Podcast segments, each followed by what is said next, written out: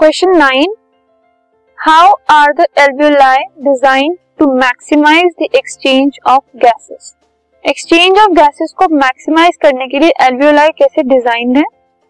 सो so, जो alveoli है वो एक सरफेस प्रोवाइड कर देते हैं जिससे गैसेस का एक्सचेंज इजीली हो पाता है। एक ब्लड वेसल्स का नेटवर्क प्रेजेंट होता है एल्वियोलाई में। ठीक है? जो एल्वियोलाई की वॉल्स होती है वहाँ पर ब्लड वेसल्स का एक नेटवर्क होता है। जब हम ब्रीथ करते हैं तो उससे क्या होता है? हमारी जो रिब्स हैं जो हमारी चेस्ट कैविटी है वो जो है वो लिफ्ट हो जाती है और जो डायफ्राम है वो फ्लैट हो जाता है। सो so, जो चेस्ट कैविटी है उसमें स्पेस बन जाती है।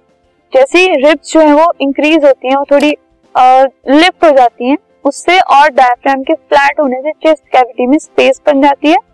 और इसकी वजह से जो एयर है, जब हम ब्रीथ करते हैं तो वो लंग्स के अंदर स्टक हो जाती है लंग्स और एल्वियोलाई ठीक है?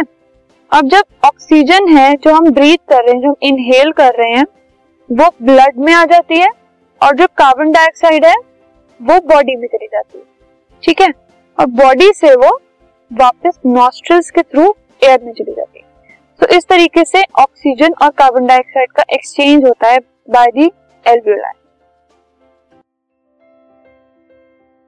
this podcast is brought you by Hubhopper शिक्षा अभियान अगर आपको ये पॉडकास्ट पसंद आया तो प्लीज़ लाइक शेयर और सब्सक्राइब करें और वीडियो क्लासेस के लिए शिक्षा अभियान के यूट्यूब चैनल पर जाएँ।